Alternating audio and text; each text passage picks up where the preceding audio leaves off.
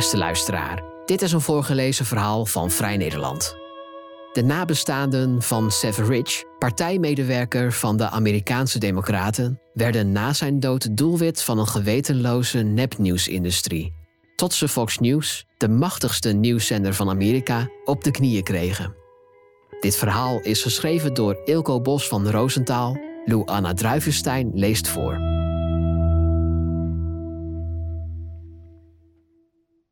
Vroeger, voordat zijn wanhopige familie een konijnenhol met complottheorieën in werd gezogen, en voordat zijn moeder omschreef hoe ze door de moord het lichaam van haar zoon was verloren en door de nasleep zijn ziel, vroeger hees Seth Rich zich op onafhankelijkheidsdag van top tot teen in de Amerikaanse vlag, van zijn sokken tot en met zijn hoed. Alles in de Stars and Stripes. De meeste mensen zouden het als een grap hebben gedragen, als een carnavalskostuum. Seth niet. Hij meende het. Hij zag Amerika als baken van democratie en van goedheid, zegt Andy Kroll. Een vriend wil hij zich niet noemen, maar Seth en hij kenden elkaar redelijk goed. In de weekenden speelden ze soms samen in een voetbalteam in Washington. Beiden groeiden op in het Midwesten. Seth in Nebraska, Andy in Michigan. Hij koos voor de journalistiek, Seth voor de politiek. Andy Kroll zegt: Het wemelt in deze stad van de hyperambitieuze twintigers. Ze werken zich te pletter, worden onderbetaald en s'avonds in de kroeg blazen ze stoom af. Ze lijken allemaal op elkaar. Maar Seth sprong eruit. Hij wilde hogerop in de politiek, maar wel vanuit een oprechte betrokkenheid, niet als doel op zich. Mensen die hem niet kenden, konden uit zijn vlagvertoon op onafhankelijkheidsdag de indruk krijgen dat Seth Rich een conservatief was, een Trump-aanhanger misschien wel. In progressieve kringen wordt de vaderlandsliefde doorgaans wat minder opzichtig verpakt. Zijn thuisstaat Nebraska kleurde al decennia donkerrood. Kroll vertelt: Seth wist dat hij niet iedereen ervan zou kunnen overtuigen om op de Democraten te stemmen maar hij wilde wel dat iedereen gebruik maakte van zijn stemrecht. Zijn studievriendinnetje in Omaha was hardcore republikeins. Toch duwde hij haar zo ongeveer naar het stemlokaal. Zijn geloof in de democratie was rotsvast, maar dan moest wel iedereen meedoen. In 2014 had Rich zijn droombaan gevonden. Op het Washingtonse hoofdkwartier van de Democratische Partij hield hij zich bezig met kiezersregistratie en het beschermen van kiesrecht. Twee jaar later kreeg hij een aanbod om op het campagnehoofdkwartier van Hillary Clinton in Brooklyn te komen werken. Voor veel politieke junkies zou dat een nog grotere droombaan zijn geweest. De verkiezingsrace tussen Hillary Clinton en Donald Trump was een rollercoaster zoals Amerika die zelden had beleefd. De verkiezingsdag was nog maar vier maanden weg. Maar Rich twijfelde. Hij had in Washington iets moois opgebouwd. Hij werkte aan de gezondheid van de Amerikaanse democratie op de lange termijn. Op de avond van 10 juli 2016, met een hoofd vol twijfels over de baan die hem was aangeboden, dronk Rich in zijn eentje een paar biertjes in Lou's City Bar, zijn stamkroeg in Washington. Tegen sluitingstijd verliet hij het café en ging hij op weg naar zijn appartement zo'n drie kwartier lopen. Maar Rich kwam nooit aan. Rond vier uur s'nachts, hij was bijna thuis, maakte kogels een einde aan zijn leven. Een mislukte roofmoord, concludeerde de politie na uitvoerig onderzoek. Van daders geen spoor. De dood van Rich had een verdrietig bericht in de lokale krant moeten blijven. Al de 67ste moord in de hoofdstad dat jaar. In plaats daarvan werd Rich een speelbal van complotdenkers. Of eigenlijk was het een sneeuwbal. Eerst een hashtag, his name was Seth Rich, toen een leger Reddit-gebruikers, uiteindelijk het miljoenenpubliek van Fox News. Maar de zaak zou ook het moment markeren waarop de slachtoffers van nepnieuws voor het eerst succesvol terugsloegen. Andy Kroll schreef een boek over de moord op zijn voormalige voetbalmaatje, A Death on W Street. We zitten in de koffiehoek van Politics and Prose, een bekende boekhandel aan Connecticut Avenue in het welgestelde noordwesten van Washington. Drie deuren verderop bevindt zich Comet Ping Pong, een pizzeria. In december 2016, vijf maanden na de moord op Seth Rich, opende de 28-jarige, streng christelijke vader Edgar Welsh daar met een semi-automatisch geweer het vuur. Hij had op internet gelezen dat prominente democraten in de kelder jonge kinderen misbruikten. Een fabel die Pizzagate was gaan heten. Enige tijd voor ons gesprek was de 42-jarige David DePep s'nachts het huis van democratenleider Nancy Pelosi in San Francisco binnengedrongen. Zijzelf was niet thuis. DePep viel Pelosi's echtgenoot aan met een hamer. Uit zijn schrijfsels op internet viel af te leiden dat DePep elke moderne complottheorie voor waar aannam. Pizzagate, QAnon, de zogenaamde fraude bij de presidentsverkiezingen in 2020, dat de PEP tegenover de politie zelf toegaf op zoek te zijn geweest naar Nancy Pelosi, weerhield ene Pasadena Phil er niet van om op het discussieforum van de conservatieve website legalinsurrection.com van een nieuwe Seth Rich-zaak te spreken. Pasadena Phil schreef: Toevallig, weer geen beveiligingsbeelden vrijgegeven. Onze elite bestaat uit corrupte, immorele klootzakken. Binnen de Amerikaanse politiek kent complotdenken een lange traditie. Beroemd is het essay dat historicus Richard Hofstadter in 1964 in Harper's Magazine schreef over The Paranoid Style in American Politics. Directe aanleiding vormde de opmars van de Republikeinse senator en presidentskandidaat Barry Goldwater, die zijn aanhang waarschuwde voor linkse cosmopolieten en intellectuelen die hun land wilden afpakken en met dat doel tot alles in staat waren. De stap naar de complottheorieën rond Seth Rich is dat ook niet. De stap naar de Great Reset het waanidee dat het World Economic Forum vanuit Davos de bestaande democratische en kapitalistische orde omver wil gooien en de macht wil neerleggen bij een kleine elite is niet groot. De stap naar de complottheorieën rond Seth Rich is dat ook niet. Dit is de meest hardnekkige. Niet Russische hackers, zoals verschillende officiële onderzoeken vaststelden, maar partijmedewerker Seth Rich was de bron van de interne e-mails van de Democratische Partij, die in het najaar van 2016 door Wikileaks waren geopenbaard. De e-mails werden wereldnieuws. Ze lieten zien dat de partijleiding tijdens de zwaar bevochten voorverkiezingen Clintons luis in de pels, de linkse senator Bernie Sanders, actief tegenwerkte. Verder legden ze de onfrisse manier bloot waarop rijke geldschieters zich toegang wisten te verschaffen tot de partijbonzen. Volgens de complottheorie was Rich een gefrustreerde Sanders-aanhanger, wilde hij wraak en lekte hij de e-mails naar Wikileaks. Hillary Clinton had hem om die reden laten vermoorden en Rusland kreeg de schuld. Andy Kroll vertelt: Ik zat achter mijn bureau te werken en ineens werd Seth's naam trending op Twitter. Dat was een bizarre gewaarwording. Ik wist natuurlijk van zijn tragische dood een paar weken eerder, maar dat was een roofmoord. Waarom ging de naam van een verder onbekende plaatsgenoot ineens viraal?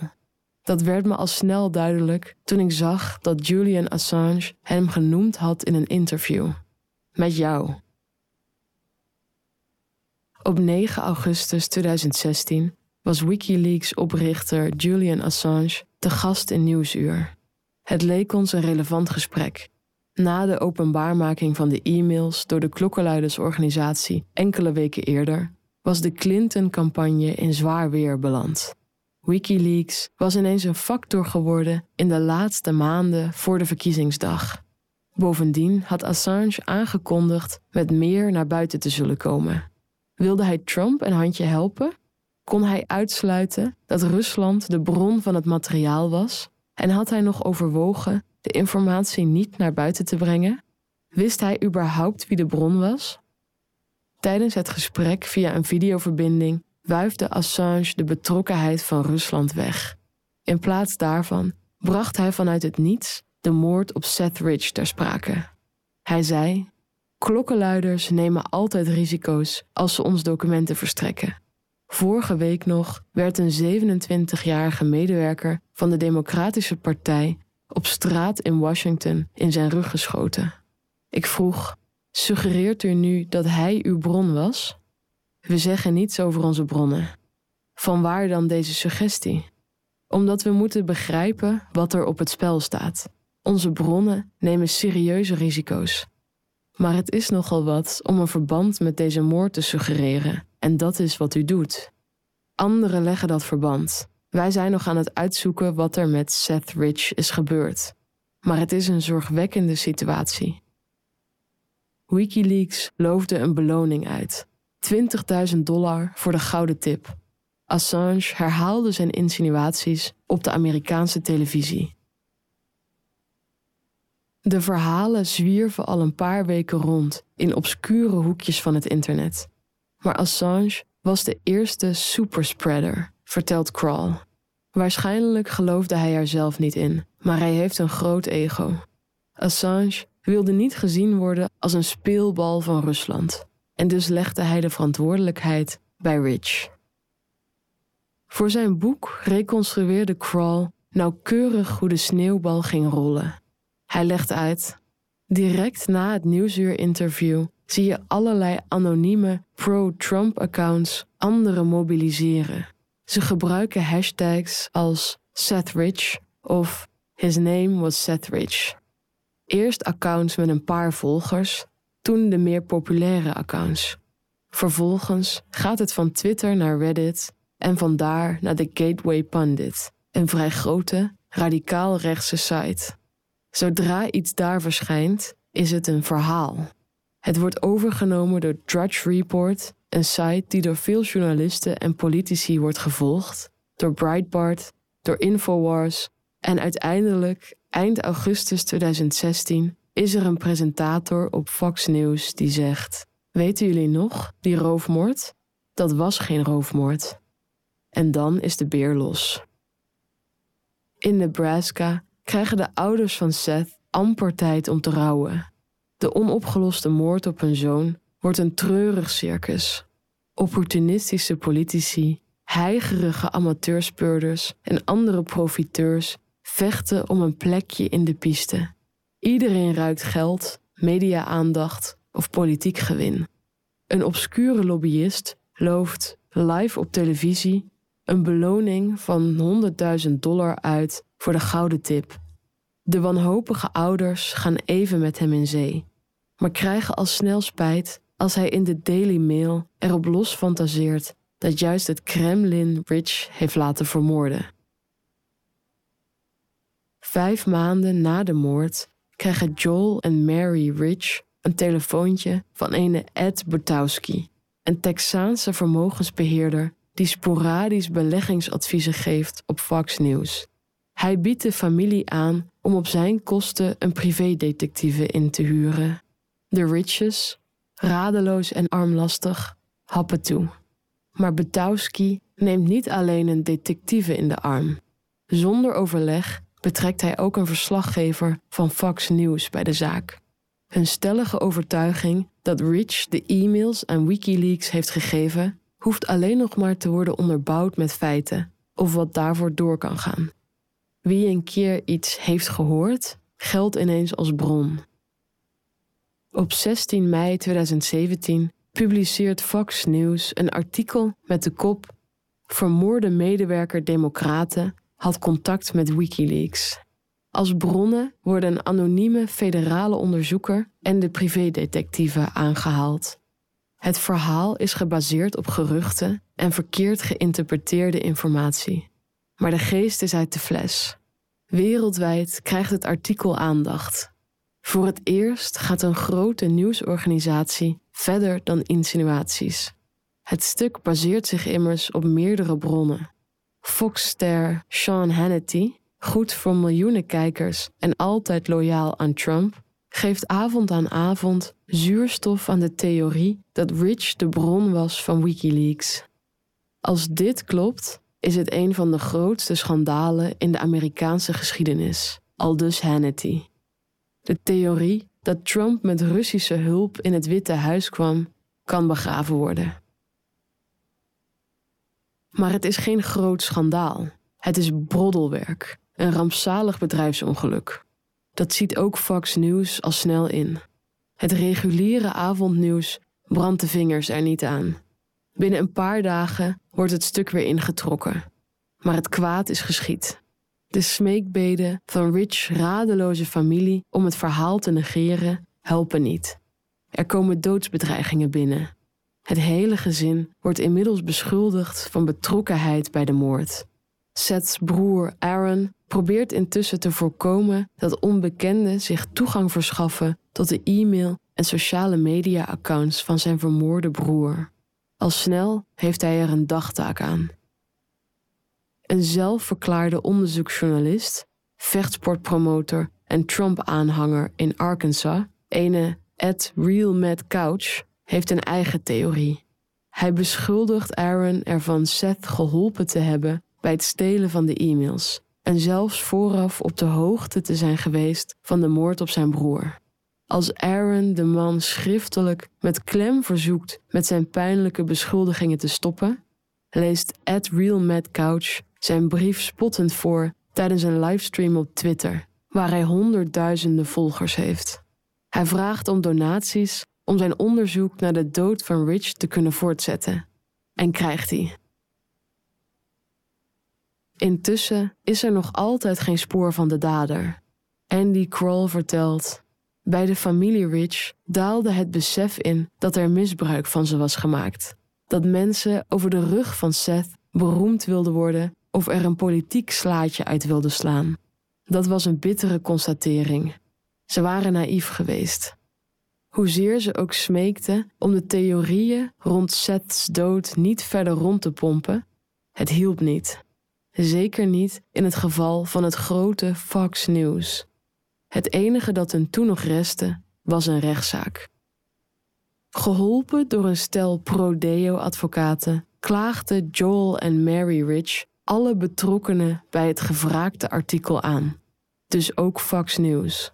Ze moesten de rechter ervan zien te overtuigen dat een van de grootste en machtigste nieuwsorganisaties van Amerika hun bewust grote emotionele schade had toegebracht. De lat lag daarmee hoog. Juristen gaven het echtpaar niet veel kans en in eerste aanleg wilde de rechter niet eens overgaan tot een inhoudelijke behandeling. In hoger beroep kregen Joel en Mary Rich wel hun zin. Hun advocaten sommeerden niet alleen de hoogste baas van Fox om te komen getuigen, maar ook ster-anchor Hannity. Voor de nieuwszender dreigde een publicitair fiasco. Kort na de verkiezingen van 2020 werd bekend dat beide partijen een schikking hadden getroffen, nog voordat het tot een inhoudelijke behandeling kwam. Volgens Amerikaanse media betaalde Fox ettelijke miljoenen dollars aan Rich nabestaanden. De schikking markeerde een nieuwe trend, waarbij Amerikaanse advocaten steeds vaker achter veel plegers van het verspreiden van desinformatie aangaan. En met succes. Tien jaar lang verspreidde de bekendste complotdenker van allemaal, Alex Jones, weerzinwekkende leugens over het bloedbad op een school in Connecticut in 2012. Twintig jonge kinderen kwamen daarbij om het leven. Volgens Jones hadden activisten voor strengere wapenwetten de schietpartij in scène gezet en waren de doden niet echt. Volgelingen van zijn kanaal Infowars braken meerdere graven open. Een vader getuigde in de rechtszaal hoe ze over het graf van zijn zevenjarige zoon hadden geplast. Tientallen nabestaanden kregen doodsbedreigingen. Afgelopen najaar werd Jones veroordeeld tot het betalen van bijna anderhalf miljard dollar schadevergoeding. Meteen vroeg hij faillissement aan. Anderhalf miljard was ook het bedrag dat een producent van stemmachines, Dominion, eiste van opnieuw Fox News. In de nasleep van de verkiezingen van 2020 gaf de zender de vloer aan Trump-vertrouwelingen zoals Rudy Giuliani, die onweersproken mocht beweren dat de stemmachines zo waren afgesteld dat de Democraten niet konden verliezen. Ook dik betaalde presentatoren, zoals Sean Hannity, zinspeelden op fraude, terwijl, zo bleek in de voorbereiding op de rechtszaak, zij wisten dat zij hun kijkers voorlogen. Op 18 april jongsleden kwamen de zender en het bedrijf een schikking overeen. Fox moest Dominion ruim 780 miljoen dollar betalen. Een andere gedupeerde stemcomputerfabrikant, Smartmatic, zegt het sowieso tot een rechtszaak te willen laten komen. Advocaat Sarah Chimene Wise is zich bewust van de gevoeligheden. Smaadzaken kunnen doorgaans op kritiek rekenen, omdat ze al snel op gespannen voet staan met het eerste amendement van de Amerikaanse grondwet, het recht op een vrije mening. Chimene Wise verbond zich als advocaat aan Law for Truth, een organisatie die sinds vorig jaar pro bono gedupeerden van nepnieuws bijstaat en al verschillende nieuwsorganisaties voor de rechter daagde. Via de telefoon vanuit Washington zegt ze: We bewandelen inderdaad een dun koord, want het eerste amendement is een groot goed. Bovendien kan een nieuwsorganisatie, net als elke andere organisatie, fouten maken. Maar we gaan niet over één nacht ijs. We pakken een relatief klein aantal platforms aan die doelbewust en roekeloos aantoonbare desinformatie verspreiden, daar al meermaal op zijn gewezen en er desondanks mee doorgaan. Vorig jaar klaagde Law for Truth namens twee vrijwilligers op een stembureau in Georgia het obscure pro-Trump-kanaal One America News Network aan. De zender beweerde dat het tweetal, moeder en dochter, bij de verkiezingen in 2020 koffers vol nep-stembiljetten voor Biden hun stembureau had binnengesjouwd. President Trump omschreef het tweetal publiekelijk als professionele oplichters. Twee jaar lang kregen ze doodsbedreigingen. Een van hen moest verhuizen. Met One America News Network werd een schikking bereikt. Een nieuwslezeres moest het tweetal op haar zender vrijpleiten. Alle berichten werden van de site gehaald. Chimene Wise vertelt: Onderschat niet hoeveel schade zulke leugens kunnen berokkenen. Iedereen zag hoe deze vrouwen twee jaar lang getreiterd werden. Dat kan mensen ervan weerhouden om in de toekomst nog een stembureau te bemannen of zelfs te gaan stemmen. Dit gaat over de gezondheid van de democratie. Het voert te ver om te spreken van een keerpunt in de strijd tegen desinformatie. Daarvoor is het aantal rechtszaken nog te klein en de tegenwind te hard. Zo zette Elon Musk, behalve eigenaar van Twitter, ook een boegbeeld van libertariërs in de technologie-sector, freedom of speech boven alles, de poort voor veel plegers op zijn platform weer wijd open. At Real Mad Couch, de Trump-aanhanger die Aaron Rich beschuldigde van medeplichtigheid aan de moord op zijn broer, heeft tegenwoordig niet alleen honderdduizenden volgers, maar hij kocht ook een blauw vinkje en verschafte zichzelf daarmee enige legitimiteit. Een van de meest exotische figuren uit de donkere nadagen van Trumps presidentschap, advocaten en QAnon-aanhangster Sidney Powell, harkte voor zichzelf bijna 15 miljoen dollar binnen door crowdfunding, met de belofte de gestolen verkiezingswinst alsnog naar de rechtmatige eigenaar te brengen. Dat lukte niet, maar Powell is laughing all the way to the bank. Journalist Kroll spreekt inmiddels van het Conspiracy Theory Industrial Complex, een heel segment aan obscure fringe-figuren en mediabedrijven à la Infowars die veel geld verdienen met desinformatie. Kroll zegt: Maar die bedrijven zijn nu wel gewaarschuwd. Kijk uit wat je beweert, want de kans bestaat dat je er rekenschap voor zult moeten afleggen. Op The Bulwark, een Amerikaanse anti-Trump conservatieve nieuws- en opiniewebsite, stelt politiek commentator Amanda Carpenter dat mediaorganisaties inderdaad voorzichtiger zijn geworden. Ze wijst op de lauwe ontvangst van 2000 Mules, een gelikte documentaire propvol verzinsels over de zogenaamde gestolen verkiezingen van 2020. De maker is Dinesh D'Souza, een politiek commentator en complotdenker in maatpak, die met een zweem van intellectualisme de afgelopen decennia miljoenen boeken van conservatieve snit verkocht. De Souza was jarenlang een terugkerende gast bij Fox News, maar 2000 Mules heeft hij er niet mogen promoten. En tot woede van Trump weigert de zender de film uit te zenden. Een bijbehorend boek werd kort na de lancering door de uitgever teruggehaald. In de versie die even later wel verscheen, waren namen van organisaties en bewegingen die door de Sousa in verband waren gebracht met stemfraude, waaronder Black Lives Matter, plots verdwenen. Bezorgde juristen hadden meegekeken. In een goede documentaire die Netflix in 2022 over de zaak Rich maakte, heeft moeder Mary het laatste woord. Ze zegt: Ik heb mijn zoon een belofte gedaan op zijn begrafenis, met mijn hand op zijn kist. Ik heb hem beloofd dat ik voor mijn dood zijn moordenaars zou vinden en voor het gerecht zou brengen. Maar door al deze bullshit lijkt die kans daarop me inmiddels heel klein. Op 12 januari verscheen een nieuw artikel op The Gateway Pundit. Het bewijs dat Rich de e-mails aan Wikileaks gaf, zal binnen een paar weken openbaar worden gemaakt. En nu echt.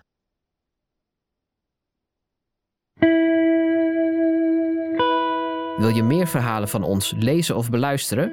Kijk dan op vn.nl of abonneer je op Vrij Nederland in je podcast-app. Voor onze trouwe luisteraars hebben wij ook een speciale actie. Een half jaar Vrij Nederland online voor maar 15 euro. Kijk voor de aanbieding en de voorwaarden op vn.nl/podcast. Bedankt voor het luisteren.